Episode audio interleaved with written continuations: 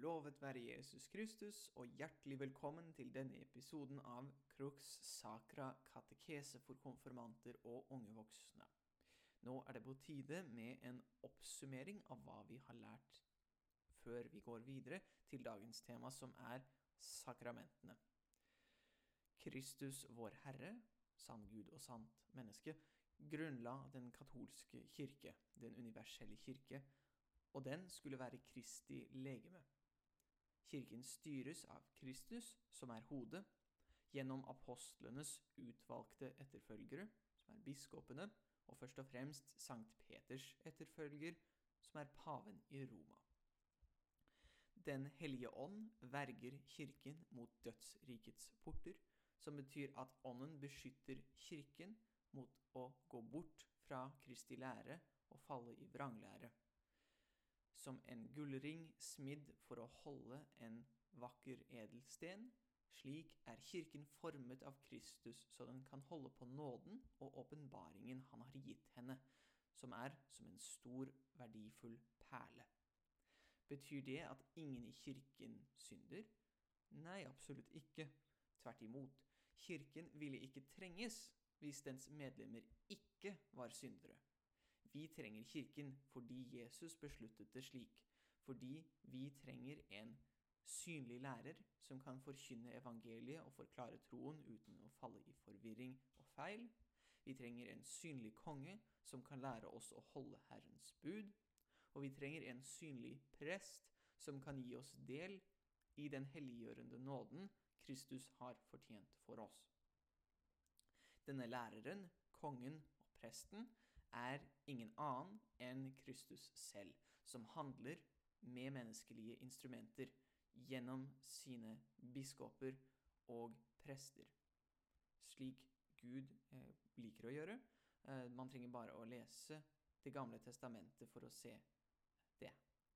Kirken må være synlig pga. vår svakhet, og fordi Jesus sa 'Dere er verdens lys', en by som ligger på et fjell kan ikke skjules. Kirken er byen på fjellet. Den er et skinnende lys for hele verden, for det er Kristi lys.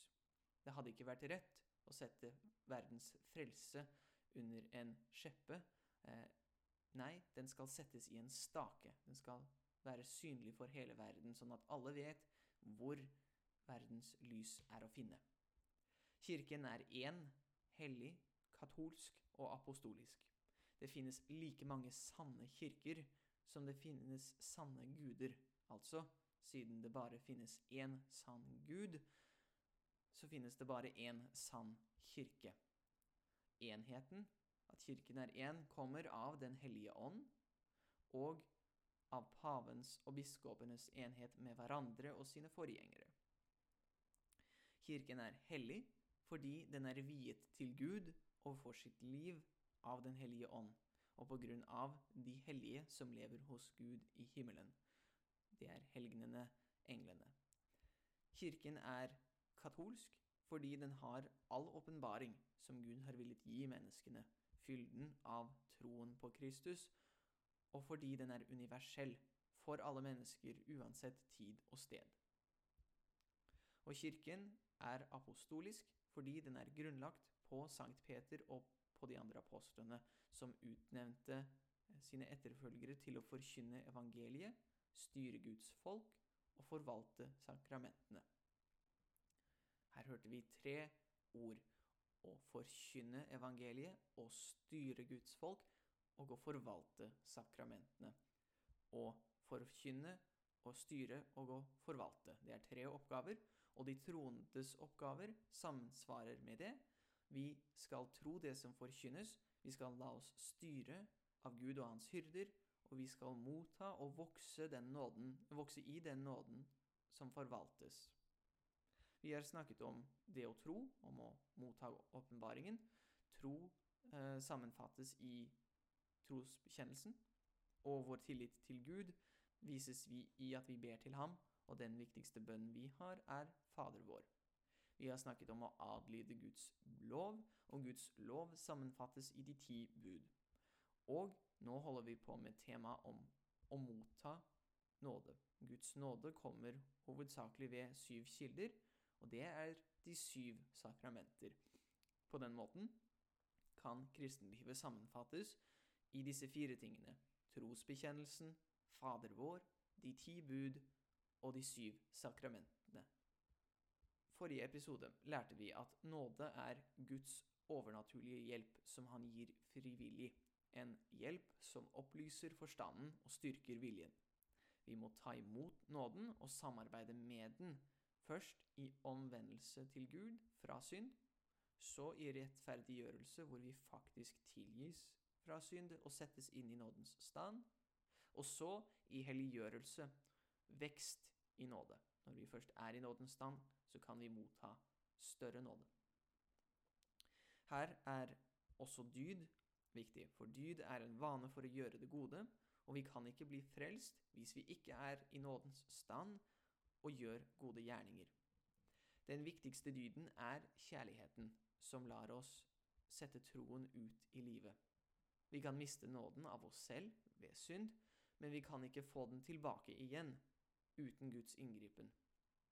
Alt dette snakket vi om i forrige episode, men ikke akkurat om hvordan denne nåden kommer til oss.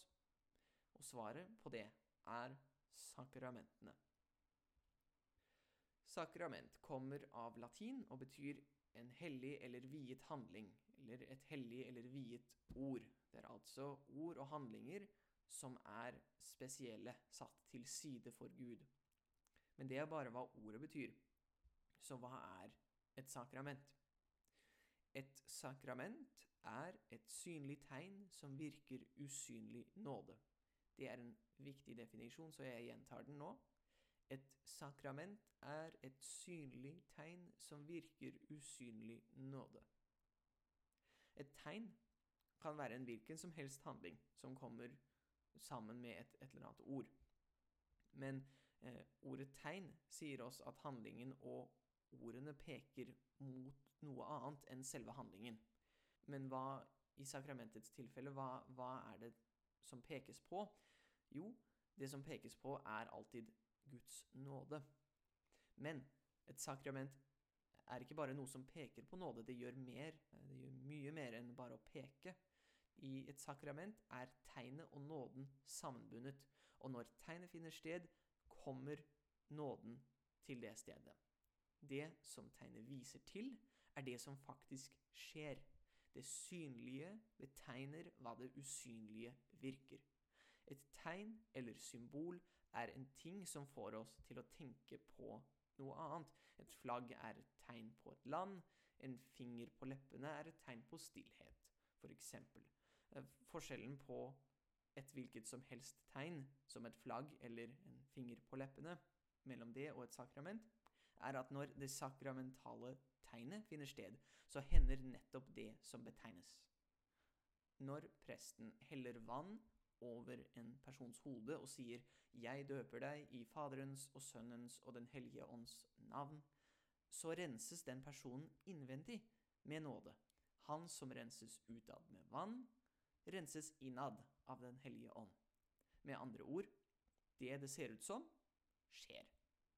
Det som skjer i det synlige, skjer i det åndelige og, og usynlige. Sjelen mottar helliggjørende nåde. Dette virker jo veldig mystisk, kan man si, og det stemmer, fordi mysteria er det greske navnet på sakramentene. Men merk at jeg ikke sa at dette virket magisk, for et sakrament er det motsatte av magi. Det er det minst magiske som finnes. For magi er når mennesker vil ha overnaturlige ting til å skje ved sin egen kraft og ved sin egen viljestyrke. Mens sakrament er når Gud virker overnaturlige ting ved sin kraft gjennom synlige tegn som han har gitt til menneskene av sin kjærlighet. Det er ikke menneskene som maner frem Guds nåde i sakramentene, det er Gud som ærer sin pakt med Kirken. Men hvor har vi alt dette fra? Vi har det fra Kristus, vår Herre, som selv innstiftet alle de syv sakramentene i den nye pakt. Det er ikke noe som har blitt historisk utviklet senere. Ble, de ble innstiftet ved starten De er del av kirkens grunnleggelse av apostolisk tradisjon, og de er innstiftet av Kristus selv. Vi ser i evangeliet at Jesus ofte bruker synlige tegn og handlinger for å gi sin frelse til andre. Han legger hendene på mennesker for å helbrede dem. Han helbreder en blind mann ved å putte søle på øynene hans og ber ham så om å vaske det bort. Og han brukte fem brød og to fisk og delte dem så han kunne mette 5000 mann. Jesus tar synlige, ordinære jordiske ting og gir dem sin kraft og gjør dem hellige. Ikke fordi han behøver de jordiske tingene, men sånn at vi skal se dem. Han innstifter dem, dvs. Si han setter dem opp, gir dem sin kraft og gir dem til kirken. Det betyr ikke at hver gang Jesus bruker synlige ting for å virke sin nåde, at han innstifter et nytt sakrament. Det er bare når han gir det videre til kirken og sier 'gjør dette til minne om meg', f.eks. Det er syv sakramenter, og de er dåp, ferming, eukaristi, skriftemål, ekteskap, ordinasjon og sykesalve. Men er ikke dette bare noe kirken har funnet på eh, i ettertid, spør man seg. Nei, jeg svarer, for kirken kan ikke finne på nye ting. Hun kan bare forkynne det som er overlevert til henne. Og når hun sier at det er syv sakramenter, er det fordi det er syv sakramenter. Og da kan vi, og må vi, stole på det. Eh, kirken har uansett ingen makt til å innstifte sakramenter, bare å dele dem ut. Vi finner alle sakramentene i Skriften og apostolisk tradisjon. De syv sakramenter er like i at de alle virker helliggjørende nåde, men de er forskjellige i form av den eh, synlige handlingen som brukes, ordene som uttales, hvem som kan motta dem, hvor mange ganger de kan mottas, hvem som kan feire dem, og vil, akkurat hvilke effekter de har, i tillegg til helliggjørende nåde. Dåp er åndelig fødsel. Ferming er åndelig modning. Eukaristi er åndelig næring. Skriftemål er åndelig lege. Sykesalve er åndelig medisin og ordinasjonens og ekteskapets sakramenter er de sakramentene som garanterer kirkens styrke og vekst. Sammen utgjør de syv sakramentene midler til et fullstendig åndelig liv, i stand til å føre en sjel gjennom hele livet her på jorden og inn til livet i himmelen. Vi skal ta eh, for oss sakramentene for seg i, i kommende episoder, men eh, nå holder vi oss til det generelle. Så hvorfor valgte Gud å gi oss frelsen gjennom sakramentene? Hvis Kristus døde for oss en gang for alle, hvorfor trenger vi sakramenter i tillegg? Og det er jo ikke snakk om noe tillegg til Kristi offer. Det er snakk om tilgang til Kristi offer. Det er snakk om hvordan vi får del i Kristi offer.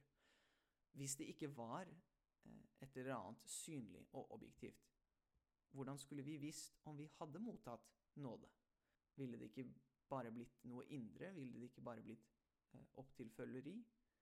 Kristus valgte sakramentene som nådekanaler han kunne kommunisere seg selv til oss gjennom. Fordi vi mennesker er både kropp og sjel, er det passende at vi frelses ved sakramenter, som er synlige tegn, som bringer usynlig nåde. At noe er etablert og synlig, gjør det håndfast og sikkert. Og gir oss en større sikkerhet om at vi virkelig har mottatt Guds nåde. Det gjør også at Kirken blir synlig. Dens medlemmer er de som har mottatt sakramentene. Og vi vet eh, at akkurat som Kirken er synlig, akkurat som Kristus er synlig og har et synlig legeme, så blir vår frelse synlig i sakramentene. Vår frelse er inkarnert, blitt kjød, akkurat sånn som vår frelser er inkarnert, er blitt kjød. Kristus er Gud som ble menneske, og sakramentene er nåden som blir synlig. Så i hvert av sakramentene så går vi kort gjennom dem til slutt. I dåpen forlates all vår synd, vi blir rettferdiggjort og del av kirken, og vi får Den hellige ånd. I fermingen styrkes vi i Den hellige ånd. Vi mottar større nåde og styrke og blir Kristi soldater. I eukaristien, som er det aller helligste sakramentet, forenes vi med Kristus ved å motta hans legeme og blod. I skriftemålet får vi ved sann anger, bekjennelse og botsvilje tilgivelse for våre synder etter dåpen og får tilbake nåden vi mistet ved synd. I ekteskapet får en mann og en kvinne som lover hverandre troskap, nåde til å leve sammen som mann og kone og å oppdra og forsørge en familie. I ordinasjon blir en mann viet til Kristus og får nåden til å feire sakramentene og å være hyrde for Guds folk. Og i sykesalve mottar den syke eller døende tilgivelse, fred og håp. Dette var introduksjonen til de syv sakramenter. Og neste gang skal vi snakke om det første sakramentet, dåpen. Takk for at dere lyttet denne gangen, og jeg håper dere lytter til neste episode.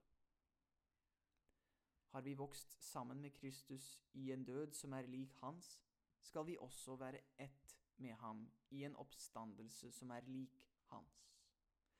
I Faderens og Sønnens og Den hellige ånds navn. Amen.